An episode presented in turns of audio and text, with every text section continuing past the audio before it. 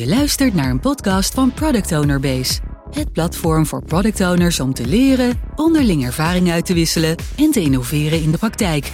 Deze podcast is gemaakt door Daan van Tongeren en Jeroen Broersma.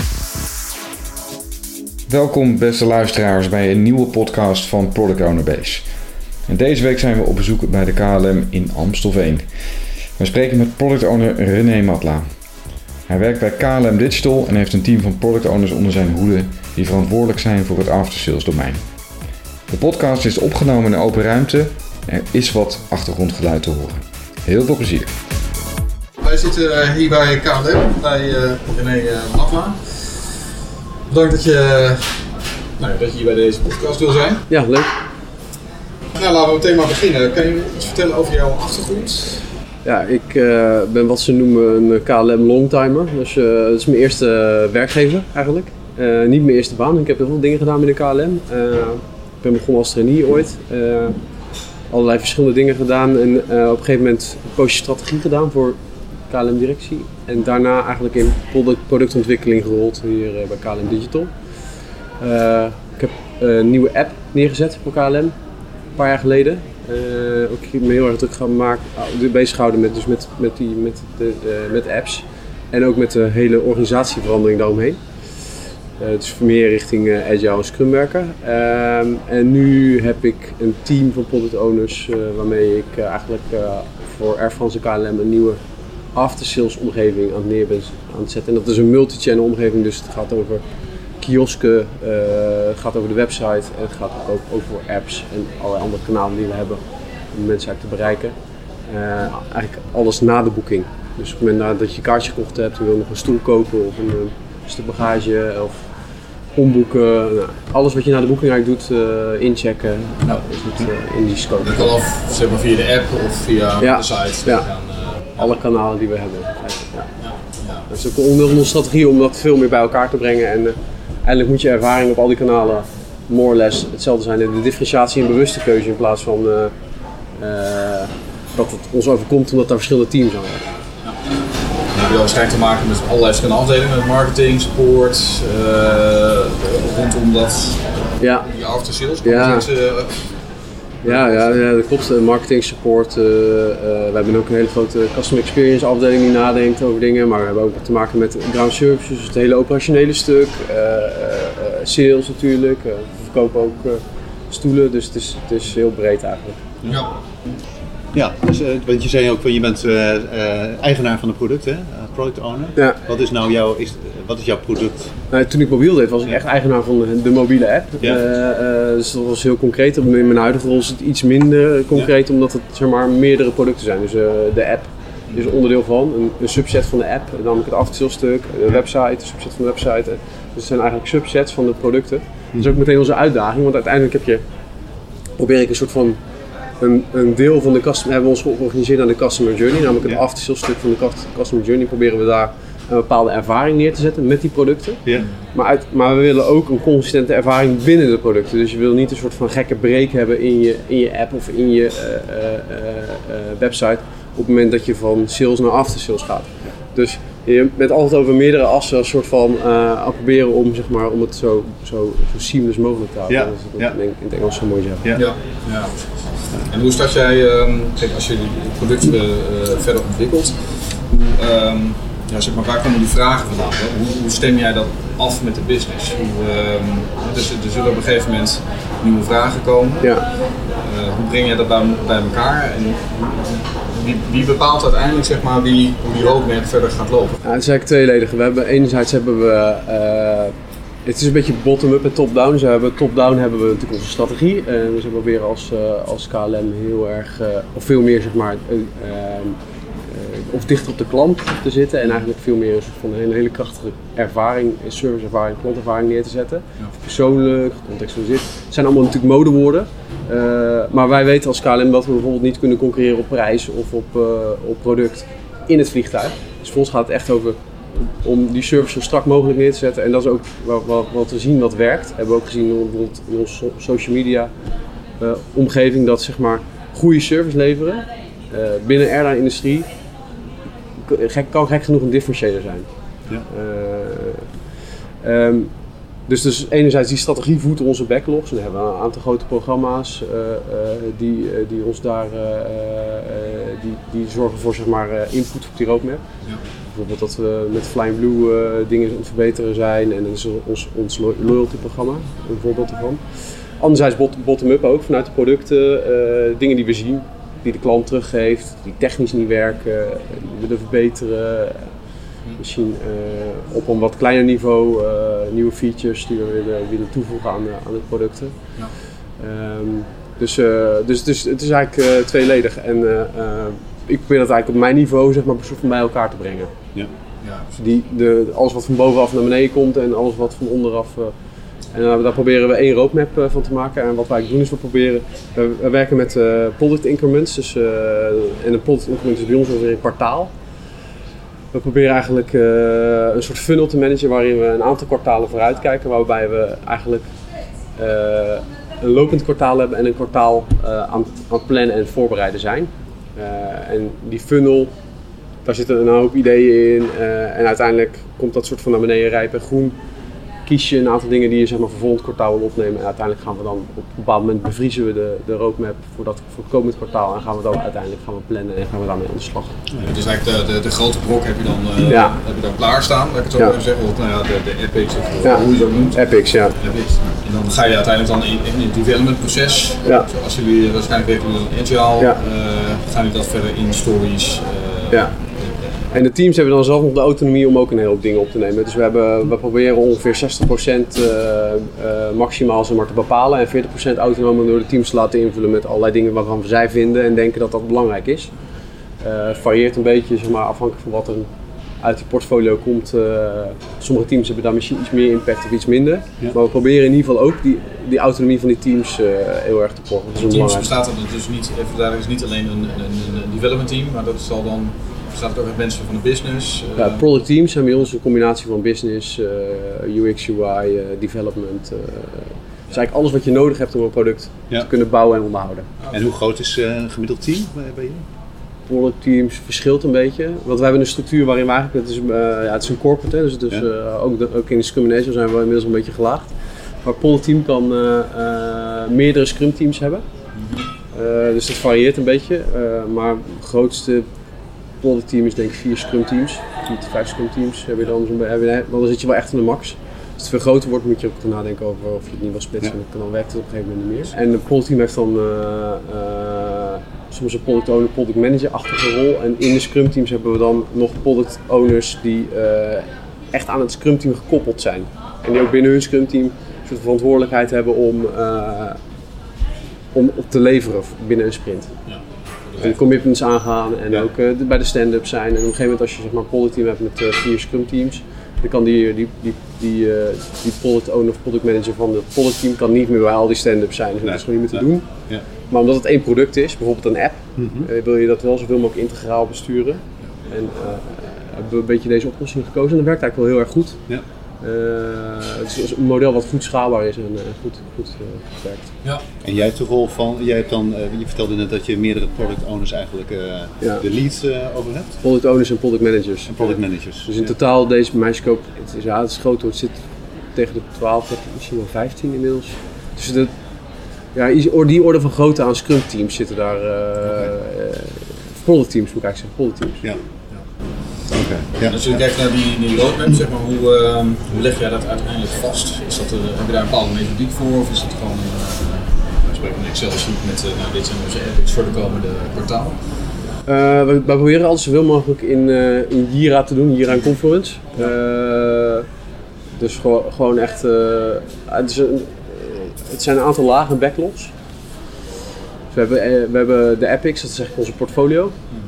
Dat besturen we zeg maar echt op uh, digital marketing niveau. Uh, daar zitten de grote programma's in. Dan hebben we sales en afsales. Ik doe dan het afsales stuk. Afsales hebben we wat we noemen feature backlog. Die zijn weer gekoppeld aan de product backlogs. Dus je hebt een feature bijvoorbeeld het opleveren van uh, nou, bijvoorbeeld uh, het opleveren van een rebooking functionaliteit. Nou, dan weten we dat daar moeten een aantal API-teams iets voor doen twee of drie API-teams moeten dan iets opleveren. En uh, dan hebben we één of twee frontends die dat dan integreren. Dat is dan één feature. Uh, met de contributie dan van vijf verschillende componentteams, zoals wij dat noemen, die dan maar een bijdrage leveren aan die, aan die feature. En uiteindelijk bij elkaar is dat dan een rebooking functionaliteit. Soms slicen we dat dan nog op een slimme manier. Zeggen we wel, dat is een rebooking in deze situatie uh, is dan één feature. Een rebooking in die andere situatie is weer een andere feature. Ja. En zo probeer je dat zeg maar, behapbaar te houden voor die teams. Ja, zowel die, die, dat, dus verschillende teams zouden met zo'n functionaliteit zich mee bezighouden. Dus een ja. deel doet API's en een andere deel doet frontend. Ja. Dat zijn echt bescheiden uh, scrum teams. Ja. Ja. En dat heeft te maken met dat wij, we hebben een API-strategie waarin we zeg maar, uh, dus we hebben die API's, daar zit eigenlijk de kern van onze functionaliteit in. En hebben we kanalen waarmee we die functionaliteit ontsluiten. Uh, maar waarom we dat apart hebben gehouden, is omdat we soms ook functionaliteit hebben die we niet uh, met onze eigen uh, touchpoints of onze eigen producten ontsluiten. Dus we zien een externe partij. Ja. Zoals een, een aggregator, een Skyscanner kan bijvoorbeeld onze API's consumeren om vluchtinformatie op te halen. Ja. Ja. dus, dus dan wil je dat die, dat API-team autonoom zijn verantwoordelijkheid kan nemen voor het ontwikkelen en leveren van die functionaliteit. Ja. Voor derde partijen. Ja. ja. Uiteindelijk dus met de business kijken we eigenlijk mee in Jira om uh, te kijken van deze, deze epics of deze functionaliteit hebben we dan uiteindelijk uh, ja. level. Bespreek jij dat dan ook door met, uh, met die business teams? Je zegt nou ik heb hier een, een lijst van zoveel epics, wat, wat vinden jullie nu belangrijk voor het komende kwartaal? Ja, dus we hebben een portfolio overleg waarin we dat bespreken. En, uh, als uh, bijvoorbeeld marketing een idee heeft, kunnen ze dat in dat portfolio overleggen, kunnen ze, komen ze dan. dan ze bereiden een epic voor. Uh, dus we proberen ook echt die marketing bijvoorbeeld daarin in die, in die hele canals mee te nemen. Ja. Zij bereiden een epic voor. Zij nemen dan het epic ownership. En ze zeggen van ja, we willen dit en dit en dit. dat moet dan ook al enigszins voorbereid zijn. En dan op basis van Wages for Job-achtige methodiek proberen we dan te bepalen of dit iets prioriteit of geen prioriteit moet krijgen. En die, dat portfolio-overleg gebruiken we ook wel echt om die WGF, om die Weighted Shortage Job te toetsen. Dan hebben we daar iets meer over vertellen? Uh, nou, die Weighted Shortage Job gaat heel erg uit van waarde versus uh, uh, complexiteit. Dus hoeveel, in, hoeveel tijd, energie en moeite kost het om iets op te leveren. Ehm, en we hebben een aantal criteria opgesteld om die waarde en die complexiteit te bepalen. en zo'n Epic Owner doet eigenlijk een voorstel. Dan denkt dat dit de score moet zijn voor die Weighted Shortage Job. Dan komt hij, dan komt het ergens op ons, in onze portfolio op een, een bepaalde ranking terecht. En maar, we hebben daar dan ook nog wel de discussie van, nou klopt die waarde wel? Je hebt hier gezegd, dus, uh, moet het niet hoger zijn, moet het niet lager zijn? We hebben natuurlijk ook referenties en de complexiteit wordt dat ook getoetst. In het portfolio zit bijvoorbeeld ook onze enterprise architecten, het portfolio overleg. Ja. Dus die kijken mee. Ja. En je probeert dus eigenlijk zo met een soort van multidisciplinair team daar eigenlijk uh, die items, die portfolio items een aantal kanten te belichten en ervoor te zorgen dat we ja, eigenlijk het beste besluit nemen over wat. De prioriteit zou moeten zijn voor dat. Uh... Een stukje over, uh, over MVP. Je vertelde straks al heel even in het voorgesprek dat, uh, dat jij het een en ander doen met MVP. Daar, kun je daar iets over vertellen? Nou, het eerste wat ik moet zeggen is dat MVP bij ons een soort modewoord geworden is. Dus als iemand zeg maar uh, iets klein wil laten lijken, wat, uh, soort van, uh, wat heel erg makkelijk soort van ergens een portfolio of een backlog wil fietsen, zegt ja, dat is een MVP'tje. Ja. dan, ja, je, terwijl als je dan heel erg gaat kijken van is het nou echt een MVP en zegt van moet dit er dan wel in, moet dit er dan wel in, de vraag is het echt een MVP. Mm -hmm. dus het is ook zeg maar, wel een beetje een soort van manier van worden om dingen te framen. Um, dus in zover zou je kunnen zeggen van het gedachtegoed moet er wel iets beter landen. Uh, maar het echte MVP denk ik proberen we wel toe te passen door dingen zo klein mogelijk te maken en zo goed mogelijk de waarde naar voren te trekken. Um, wat ik wel zie in een uitdaging als uh, in een organisatie zoals Frans KLM is dat als wij een, een uh, oud product vervangen met een nieuw product, dan zie je dat die producten zijn zo groot en zo complex dat die MVP's dat het heel moeilijk is om een MVP klein te houden. Ja. En ik heb zelf die ervaring ook gehad bijvoorbeeld met onze uh, mobiele app. Toen wij die live brachten, hadden wij een soort MVP gedefinieerd. Waar heel veel discussie over was. En uiteindelijk is een MVP is ook iets wat uh, in de tijdsdruk bijvoorbeeld ook weer vloeibaar wordt. En waar je weer nog scherpere keuzes gaat maken. En van ja, oké, willen we dit echt wel? Dat gaat nog een, nog een maand duren of nog drie sprints. Is het echt zo belangrijk? Of, dus dat, dat is ook iets wat je continu evalueert. MVP kan voor mij ook nooit statisch zijn. Het is altijd iets wat zeg maar, uh, dynamisch is, wat je continu moet, scherp moet zijn. Of is dit nog het juiste of niet? Het doel uiteindelijk is ook natuurlijk om, om, het heel snel live te krijgen en dan ook te, te kijken, dingen te valideren. Ja, ja, ja nou, wij hebben MVP's van, eh, van, van een jaar. Dat oh, is gigantisch. Ja, ja, dus als je, als je bijvoorbeeld, als je bijvoorbeeld uh, check-in oplevert, je zegt van we zijn, we zijn een nieuwe versie van de check-in aan het bouwen dan kan je niet zeggen, ja, de, de, de vluchten naar Noord-Amerika doen we niet. Ja, dus, maar voor mij is een MVP iets wat je echt zeg maar, eh, naar de klanten brengt. En uh, daartussen heb je nog een aantal stappen waarin je zeg maar, dingen toetst bij klanten. De validatie. De validatie, dat zijn je beta's. Ja. Je alfa's of je beta's. En daartussen hebben we, hebben we strategieën met alfa's en beta's waarin we eigenlijk dingen toetsen. Dus dan ga je met klantsegmenten, ga je, gaan we ook al echt dingen live brengen. Ja. Uh, om te kijken, werkt het, zitten er nog gekke dingen in? Om eigenlijk te toetsen op te kijken of werkt het UX-wise, uh, UI-wise. Dus ja. eigenlijk het, het, de full spectrum, of, of, of al dingen die in development tegenkomen. En waar moet ik dan aan denken als je dat gewoon concreet maakt? Zo'n, als je dat bij de, de klanten of die segmenten gaat toetsen, hoe, hoe gaat dat in de praktijk? Heb je een, panel, een panel of zo waar je terecht kunt? Of? Nou ja, ik ben. Wij deden vroeger veel met user testen met bijvoorbeeld vals plat achter dingen, maar Mhm. um, uiteindelijk waar ik in geloof, en uh, dat is misschien wel specifiek voor in onze industrie, is gewoon wij hebben volume nodig. Ja. Om te weten of iets werkt en goed is. En uh, we hebben wel eens met panels gewerkt en zo. Nou, was, in het panel was het allemaal goed, maar je moet ook nog. Wat heel erg moeilijk is bij een panel, zit ook nog echt een. Omdat je zeg maar, uh, het is kwalitatief en het is een relatief beperkte groep mensen. Je doet bijvoorbeeld 5 of 10 mensen. Dan heb je, een, heb je een panel en een user test. En, uh, en dat moet je ook interpreteren. In de interpretatie kunnen er ook nog dingen fout gaan. Mm-hmm. Dus uiteindelijk wat voor ons het beste werkt is volume. En dan gebruiken we mechanismen zoals uh, Usabilla om kwalitatieve feedback op te halen. We hebben uh, analytics om te kijken of dingen in de flows lekker lopen. En uiteindelijk haal je daar het meeste uit. En um, een andere reden waarom dat volume voor ons belangrijk is, is omdat wij in een industrie werken waarin we niet alles kunnen testen. Nee. Um, en dat klinkt misschien raar, mensen zeggen van jezus, heb je dat niet getest? Kan het nou weer? maar er zijn zoveel edge cases in die airline-industrie daar heb je echt geen weet van. Uh, is dat je zeg maar, je komt meestal tot 80, 90 procent. Dan heb je 10% heb je gewoon niet kunnen testen, weten we ook. Uh, maar 10% zeg maar, van uh, 50.000 mensen per dag, dat is nog steeds een hele hoop ja, mensen waarbij het verkeerd ja. gaan. Ja. En dan moet je denken aan, als je het bijvoorbeeld wil inchecken, uh, inchecken, ik vlieg niet alleen met KLM, maar ik vlieg ook met Air France of ik vlieg ook met Delta. Ik vlieg ook met Air France of ik vlieg met Delta. Ik heb een overstap in Atlanta en ik heb een Kim bij me. Of ik ben in een wheelchair. Of ik vlieg met Gol in Zuid-Amerika, wat weer een andere partner is met een iets andere constructie en een andere afhandelaar zijn. Ja. Dus je hebt een soort van, je, hebt zoveel oneindig veel mogelijkheden. Ja. Van cases die zeg maar, die, die, dat, dat we kunnen onmogelijk testen. Dus we hebben ook echt dat volume nodig om edge cases eruit te halen. Ja. We hebben bijvoorbeeld een mooi voorbeeld, in onze app kregen wij op een gegeven moment nou, heel veel getest en gedaan. En op een gegeven moment kregen wij van een klant een klacht dat op een bepaald station, dat, hij, hij, hij gaf ons terug van ik krijg nooit een boardingpas. Jullie app werkt niet, ik krijg nooit een boardingpas. Wat we uiteindelijk uh, zijn met die klant in gesprek gegaan. Hij heeft gezegd van welke vlucht is dat en dan kunnen we dat naspelen. En dan bleek dat hij vanaf een bepaald station vloog, waar we niet zo heel veel op vliegen. En, niet ook niet zo heel veel gebruikers op hadden. en op dat specifieke station zat er een foutje in onze, in onze admin tool. Dat de mobiele boordenpas stond uit. Als je bijvoorbeeld uh, als je 5 tot 10 mensen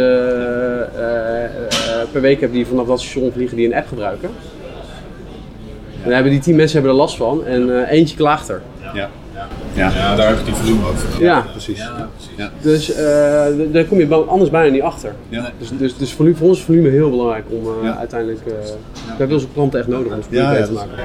Ja. Roadmap gebruik je een bepaalde waardetechniek ja. om te kijken van de wat we nu hebben. Hebben jullie ook uiteindelijk uh, definiëren ook een soort KPI's? Dat je zegt van nou, uh, als we deze feature uh, gaan uitrollen, dan verwachten wij een, een, een betere conversie. Ja. Gebruiken jullie dat soort ja. zaken ook? Wij gebruiken KPI's als gewoon keiharde sales, conversie, um, klanttevredenheid, retentie, repurchase intentions, dat soort dingen. dat is gekoppeld heel erg aan klanttevredenheid. Dat zijn belangrijke KPI's voor ons.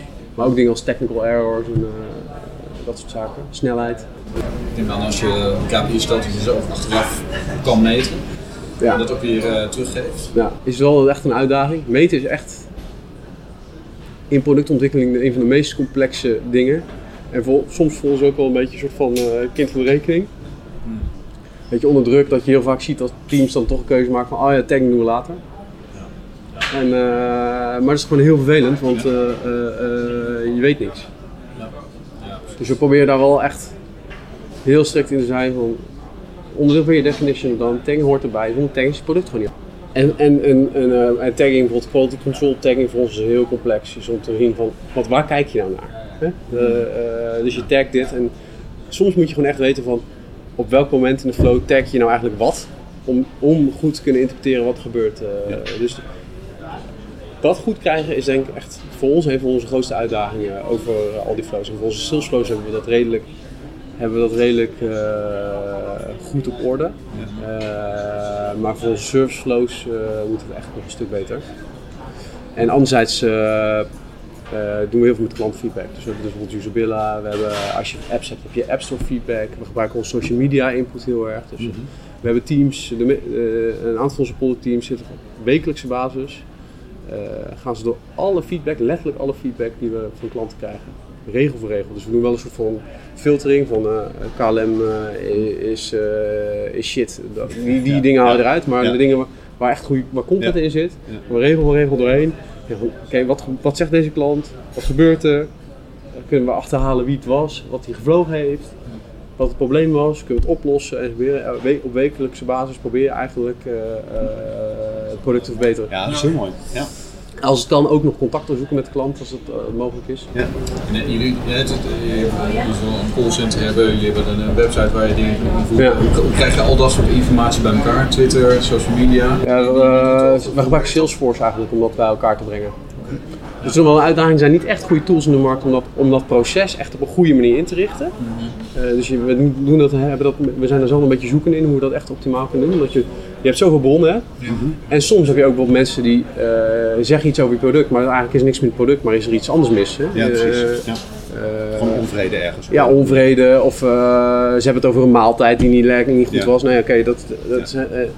dus dat is ook een probleem aan ja, ja, ja, dus, bij een andere dus de truc, dat komt dan bij ons neer als product, komt bij ons terecht als sportteam, maar dan moeten we dan weer zeg maar, uh, routeren naar uh, een andere plek om dat op te lossen. Maar wij zien dat wel echt uh, als een hele belangrijk, heel belangrijk middel om, om dat dicht op die klant te zitten en ook om die producten echt goed te maken. En we zien het ook terug in de, in de, in de, in de ratings. we hebben in een jaar tijd hebben we bijvoorbeeld voor de app launch, zeg maar, vanaf ja, dat, uh, toen dat ding live ging was verschrikkelijk. Dat was allemaal één sterren. Uh, maar we hebben het in een jaar tijd weten om te turnen naar 3, 3,5. En nu zitten we in onze eigen, als je naar onze eigen satisfaction scores, is het best scorende touchpoint. We zijn eigenlijk uh, het team wat echt begonnen is met deze methodiek. Dan zie je gewoon dat het werkt. Dat het ja. gewoon echt werkt. Dat is wel mooi dat het zo heeft eerder gehoord dat je ook echt het team helemaal meeneemt en eigenlijk door al die ja. feedback heen. Ja, ja, dat is zo wat, wat er heel krachtig aan is, is dat uh, heel veel teams werken soort van in isolatie. Hè? Die hebben helemaal geen idee wat klanten ervaren. En als ze lezen, je leest soms letterlijk de frustraties van klanten. Die zijn gewoon boos, weet je. Mm -hmm. Als jij op het vliegveld staat en uh, je mist een vlucht omdat je niet de juiste vluchtinformatie hebt gekregen. Ja. ja dat is gewoon echt shit. Ja. Uh, je vlucht mist. Dat is gewoon niet. Dat is gewoon, je, je kinderen niet weten wat. Dat is gewoon erg. En die emoties, en dat zijn, die zijn echt. zijn voor onze klanten heel echt. En zeg maar, om het om een team bewust te maken van wat het product doet met je klanten, wat, het, wat de impact is, dat, is, dat werkt echt supergoed. Ja. In, de, in de juiste focus creëren. Ja. Ja. En soms is het in het begin is dat ook wel, was het voor heel veel mensen wel wennen, want er zijn ook heel vaak, het zijn het zijn meestal geen leuke dingen die mensen over je product zeggen op Twitter bijvoorbeeld. Twitter is wel een beetje een soort van wine kanaal, lekker, ja. lekker zeuren. Ja. En hashtag, uh, veel. hashtag veel, hashtag sucks, hashtag, weet ik niet wat je... Dus uh, het kost ook wel tijd voor zo'n team, dat zo'n team zo aan gewend raakt. Feit ja. dat, ze, dat is ook voor hun, hun baby. Ja. Eigenlijk willen ze niet horen dat het shit is, want ze hebben met, hun, uh, ja. met de ziel en zaligheid aan gewerkt. Ja, maar KLM heeft dat wel volgens mij omgebogen op een gegeven moment. Van hoe je dat positief kunt inzetten. Ja. En met, uh, destijds met die vluchtboeken, nou, wat was het? Een, um... Miami. Miami, ja, ja, ja, dat was toch geweldig? Ja, ja, dat is fantastisch. Dus dan krijg je een hele positieve ja. indruk eigenlijk van hoe je het ook kunt gebruiken. En wat dan echt voor onze volgende stap is, dat, dat, doen we al af en toe, maar daar moeten we echt beter in worden dan het gestructureerde is ook zeg maar, is wat we noemen closing the loop. Ja. He, dus uh, iemand heeft een probleem, komt bijvoorbeeld niet inchecken of komt bijvoorbeeld op een bepaalde vlucht kan hij geen stoel selecteren. En als we weten dat het frequent fly is en hij vliegt weer, dat we zeggen, hey joh, uh, super shit dat dat niet werkte de, de vorige keer. Uh, maar we hebben het probleem opgelost. Kun je eens even laten weten of het nu wel oké was voor je. Je vertelt dat je uh, werkt in Agile. Uh, kan je iets vertellen over hoe jullie die teams, uh, nou ja, hoe het proces bij jullie verloopt? Hebben jullie sprints, hebben jullie waarschijnlijk ja. van twee weken, refinement sessies? Ja. Zijn dat zaken waar jullie ook heel, nou ja, zeg maar keurig de, de regels volgen? Ja, redelijk. dus we, hebben, we sprinten elke twee weken. We hebben planningsmeetings, we hebben daily stand-ups. Ehm, uh, refinement sessies, dat hangt een beetje van het team af specifiek hoe ze dat inrichten, maar de meeste teams hebben het wel. Ja, um, ja dus, dus de, de, de, de, kern van Agile proberen we te volgen. Demos doen jullie ook in Demos, ja. Nemen jullie daar ook een business in mee? Je elke twee weken zegt, we doen dit alleen met, uh, met releases? Nee, omdat we ook bezig zijn met, met scaling agile doen we system demo's, zoals we het noemen. Dus we, doen, uh, dus we doen, proberen zoveel mogelijk integraal te demoen. Yeah. En, dan, en daar komen ook business stakeholders komen dan, sluiten daarbij aan om te kijken als het relevant is voor ze. Ja. Um, en dat is, wel, want dat is wel echt een uitdaging is in een bedrijf als KLM om zeg maar, ook een demo interessant genoeg te houden dat mensen terug blijven komen. En als je teams hebt die allemaal een demo geven, op een gegeven moment die, die, die, die, die, die, mensen houden het niet meer bij. Welk team moet ik nou zijn, wat is nou interessant. Ja. Uh, het is altijd toch weer een, een blok in je agenda en dan zie je dat mensen dat, uh, dus, nee, nee, dan skippen ze, dat valt er altijd af. Ja. Uh, Zo'n demo valt als eerste eraf. Het is leuk om te zien, maar niet altijd nuttig. Ja. Dus, dus het is wel echt een uitdaging om die demo's interessant te houden voor je stakeholders. Dus daar zijn we wel echt ook over aan het nadenken. Van hoe kunnen we dat kunnen we zorgen dat we die momenten waardevol maken voor onze stakeholders. Dus dan kun je, je blijven komen. Kun je concreet maken? Van, kun je een voorbeeld geven van hoe je dat gedaan, dat gedaan hebt? Nou ja, dus we, dus we, zijn bijvoorbeeld gestopt met uh, uh, uh, API-demo's. Dus, dus sommige API-teams die demoden dan van ik heb, we hebben nu deze restrespons hebben we zo aangepast. Dus meer informatie. Ja, nou ja, zelfs in onze eigen teams mensen haken af. Dus die system demo zit eigenlijk al die teams in. Um, dus API teams, frontend teams, dat is best groot. Zit, de, dat doen we voor sales en after sales bij elkaar. Dus dat is bij elkaar misschien wel 30, 30 35 teams. Ja, kijk, als je merkt dat, dat de ene developer gewoon afhaakt als de andere wat een demo is, dan weet je gewoon, oké, okay, dit is gewoon, dit is gewoon uh, ja, ja. zij snappen het en ze haken af. Dan, uh, die marketing event die, uh, die is helemaal gone. ja. Je zei net scaling agile, jullie werk, kun je daar iets meer over vertellen? Ja, maar eigenlijk een aantal van de dingen die we doen met bijvoorbeeld portfolio, die, die hangen daar al mee samen. Want eigenlijk zagen is omdat we zeg maar, die, we hebben die uh, bijvoorbeeld API-teams en die frontend teams en uh, dat, we, dat het heel moeilijk was om dat, om dat als één geheel te laten acteren. Ja. Waarbij ik zeg van ja, de volgende stap is voor ons om dat meer scaled agile te doen. Ja. En eigenlijk de teams samen te laten plannen. En dat is en een sprint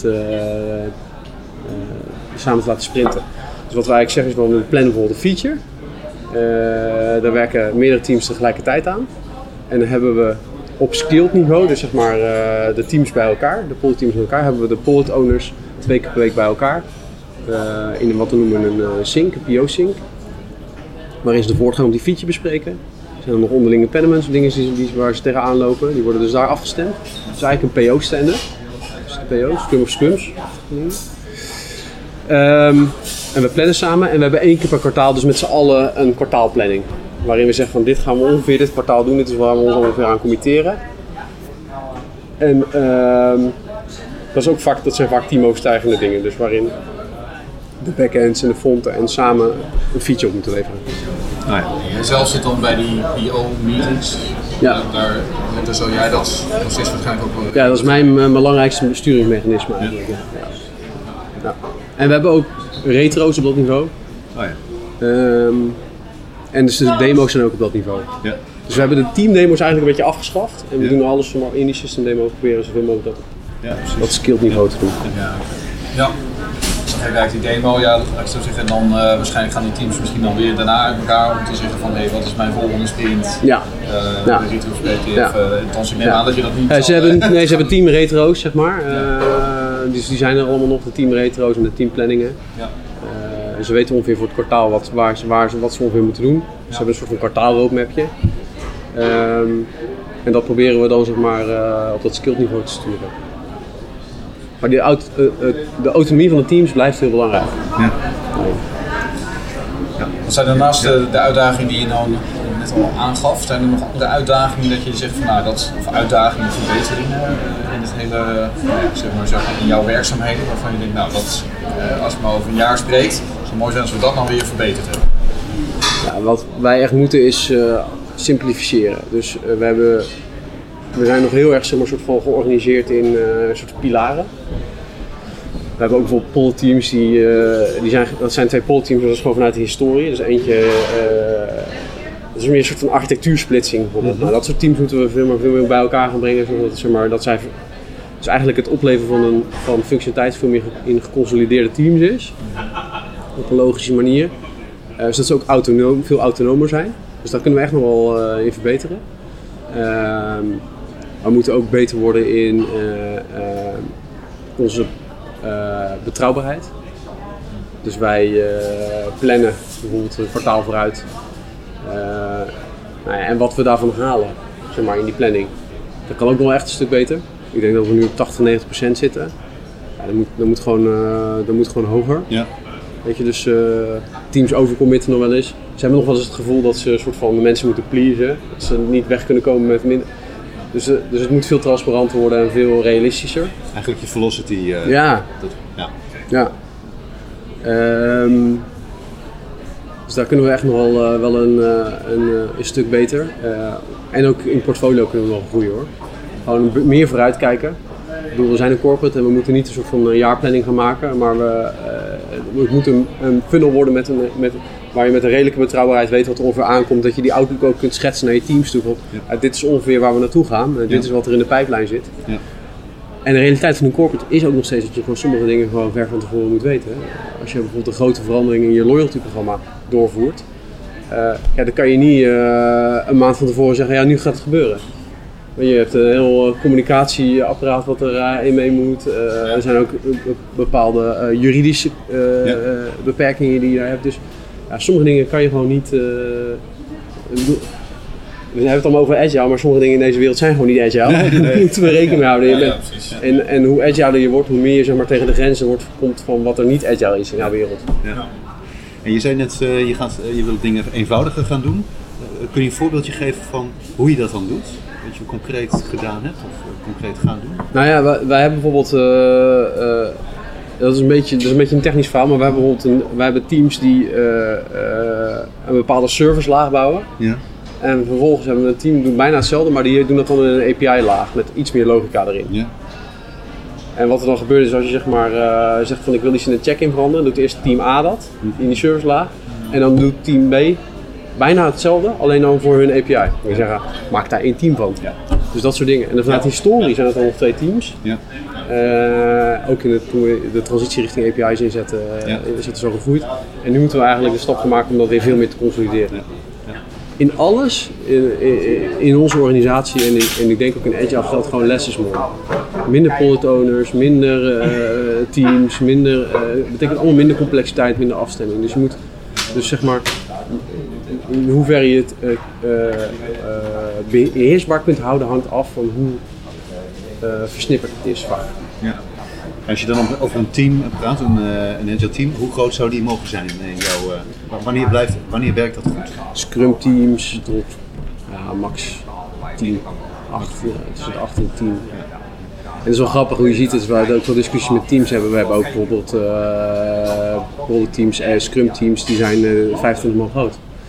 En, dat is een beetje een soort van dilemma wat je hebt, want je, je probeert met een team probeer je een soort van, een soort van optimum te vinden. Maar heel vaak als je een team vraagt van, moeten we splitsen? Dan zeggen ze nee. Nee, is niet handig, want nee, de, de kennis niet bij elkaar, nee, dat werkt goed. Dus er is een soort van, een, een, een heel interessant soort van ding dat die teams altijd denken dat ze uh, slimmer zijn dan de theorie. En beter dan de theorie. Dus uh, Scrum Agile zegt maximaal 10 mensen, maar dit team zegt dan nee, maar dat, voor ons geldt dat niet. Voor ons is dit handig. In de praktijk is dat nooit zo. Dus er is ook een soort van, in, in zeg maar, hoe je zo'n change manage, moet je soms ook uh, zeggen van, ja, dit zijn de grenzen. We hebben gewoon teams en maximaal zo groot. en dat is gewoon, uh, het maakt me niet uit wat jij vindt, dit is gewoon hoe we werken. We spreken verder over de omvang van het team en wat je effectief kan behappen qua omvang en aansturing. René vertelt hierover het volgende. Een ander heel belangrijk ding in een Scrum team is hoe, sterk, hoe goed is je Scrum Master. En heb je een sterke Scrum Master die de lead neemt. En, want als jij, het hangt ook een beetje af van de fase waar het team in zit, de maturity. Maar als je uh, in, uh, nieuwe teams hebt waarin een Scrum Master hebt die heel erg alles bij het team legt.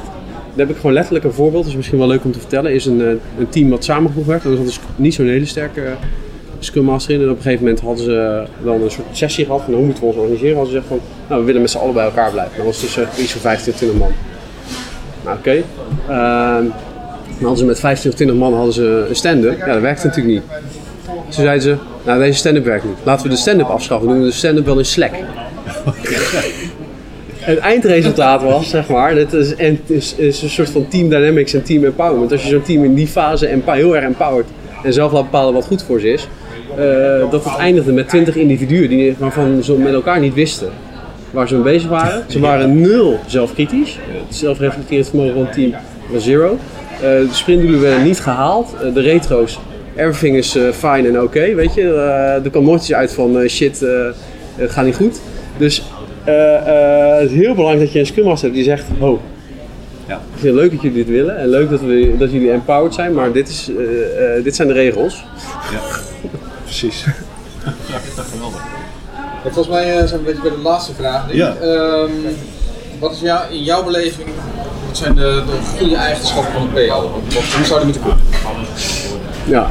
Als je er drie kan noemen. Leuk dat je het vraagt. Ik, nou, allereerst, uh, ik vind uh, het PO-schap is een ambacht. Dat vind ik echt, echt een vak. Niet iedereen kan het, niet iedereen is er geschikt voor, niet iedereen vindt het misschien ook leuk. Um, wat ik vind dat een goede PO kan, is alle, alle, allerbelangrijkste is nee zeggen. Want als je een team wil laten functioneren, heeft het team focus nodig. En als je een team focus wil geven, dan moet je zeg maar gewoon zorgen dat ze gewoon heldere doelen hebben. Uh, niet, dat die doelen zeg maar, met elkaar in lijn zijn, dat die, dat die elkaar versterken en niet uh, elkaar ontkrachten. Dus uh, nee zeggen en focus brengen aan het team is mega belangrijk om uiteindelijk het team te kunnen laten performen goede PO uh, weet ook wat hij met zijn product wil, waar hij naartoe wil met zijn product. Wat zijn klant of zijn consumer of hoe je het dan ook wil noemen uh, van zijn product vindt. Uh, en kan dat vertalen in een roadmap. En een goede PO kan dat ook zeg maar, organiseren samen met zijn, met zijn, met zijn stakeholders. En dat is denk ik ook wel het moeilijke aan uh, zeg maar, goede PO's. Want een, een goede PO moet enerzijds zeg maar, richting het team goed kunnen schakelen en ook leiderschap kunnen nemen met zijn team. Ook zich moeten willen bemoeien met hoe een team zich zelf organiseert. Zoals het voorbeeld wat ik net gaf. Uh, we moeten ook anderzijds zeg maar, uit de techniek kunnen stappen uh, en ook uit het proces. Het is eigenlijk een beetje schaap met vijf poten. Ja. En dat is denk ik waarom het om echt goede PO's te vinden is best wel, uh, best wel moeilijk. Ja. Als mensen hier naar luisteren, wat zou je ze vandaag willen meegeven? De, de PO die hier naar luistert. Ja. Wat zou die vandaag kunnen doen? Het zijn, uh, het zijn altijd een beetje de clichés, maar uh, en, en het, het is de essentie van Agile, maar wees niet bang om zeg maar, iets live te brengen wat die klanten echt, echt kut vinden. De truc is hoe je daarmee dealt. Dus luister naar je klant en snel zeg maar, de modus vinden waarin je uh, in staat bent om die, producten op te, om die problemen op te lossen. Het is heel moeilijk om van tevoren te voorspellen wat uh, mensen al wel niet van je product gaan vinden, of ze blij zijn, om user testen. Je kan het in de treuren user testen, je kan het in de treuren, weet ik wat, research panels doen. Uiteindelijk proof pudding is zeg maar, brengen bij de klant, leren, verbeteren. En dat is, uh, is denk ik de hele essentie van, van, van productontwikkeling en dat in, in, de tegenwoordige tijd en in dat in zeg maar echt uh, goede producten neerzetten. Ja. En, een, en, een, en een goede PO die, uh, die, die durft dat en die kan het ook uitleggen aan zijn stakeholders. Want ja. dat is vaak nog wat je ziet gebeuren is in, in helemaal in grote bedrijven, is dat mensen heel erg bang zijn om dus vanuit, vanuit onzekerheid zeggen van oké, dan maar niet. Dan nog iets verder of dit er nog bijbouwen. Uiteindelijk een goede PO kan het verhaal ook verkopen aan zijn, aan zijn stakeholders. En is ook, kan ook laten zien dat als het dan niet goed gaat. Ik heb zelf in die situatie gezeten. Uh, dat is niet fijn. Je moet uitleggen van ja, we hebben een jaar lang aan het product gewerkt. Klanten vinden het shit, maar het gaat allemaal goed komen. gaat allemaal goed komen. Ja. Faith. Zoals met... ja. Ja, eh, en als het dan goed komt, dan eh, krijg je ook bloemen. Ja. Ja. En Leuk. dat, eh, dat lukt dan ook. Ja. Tof.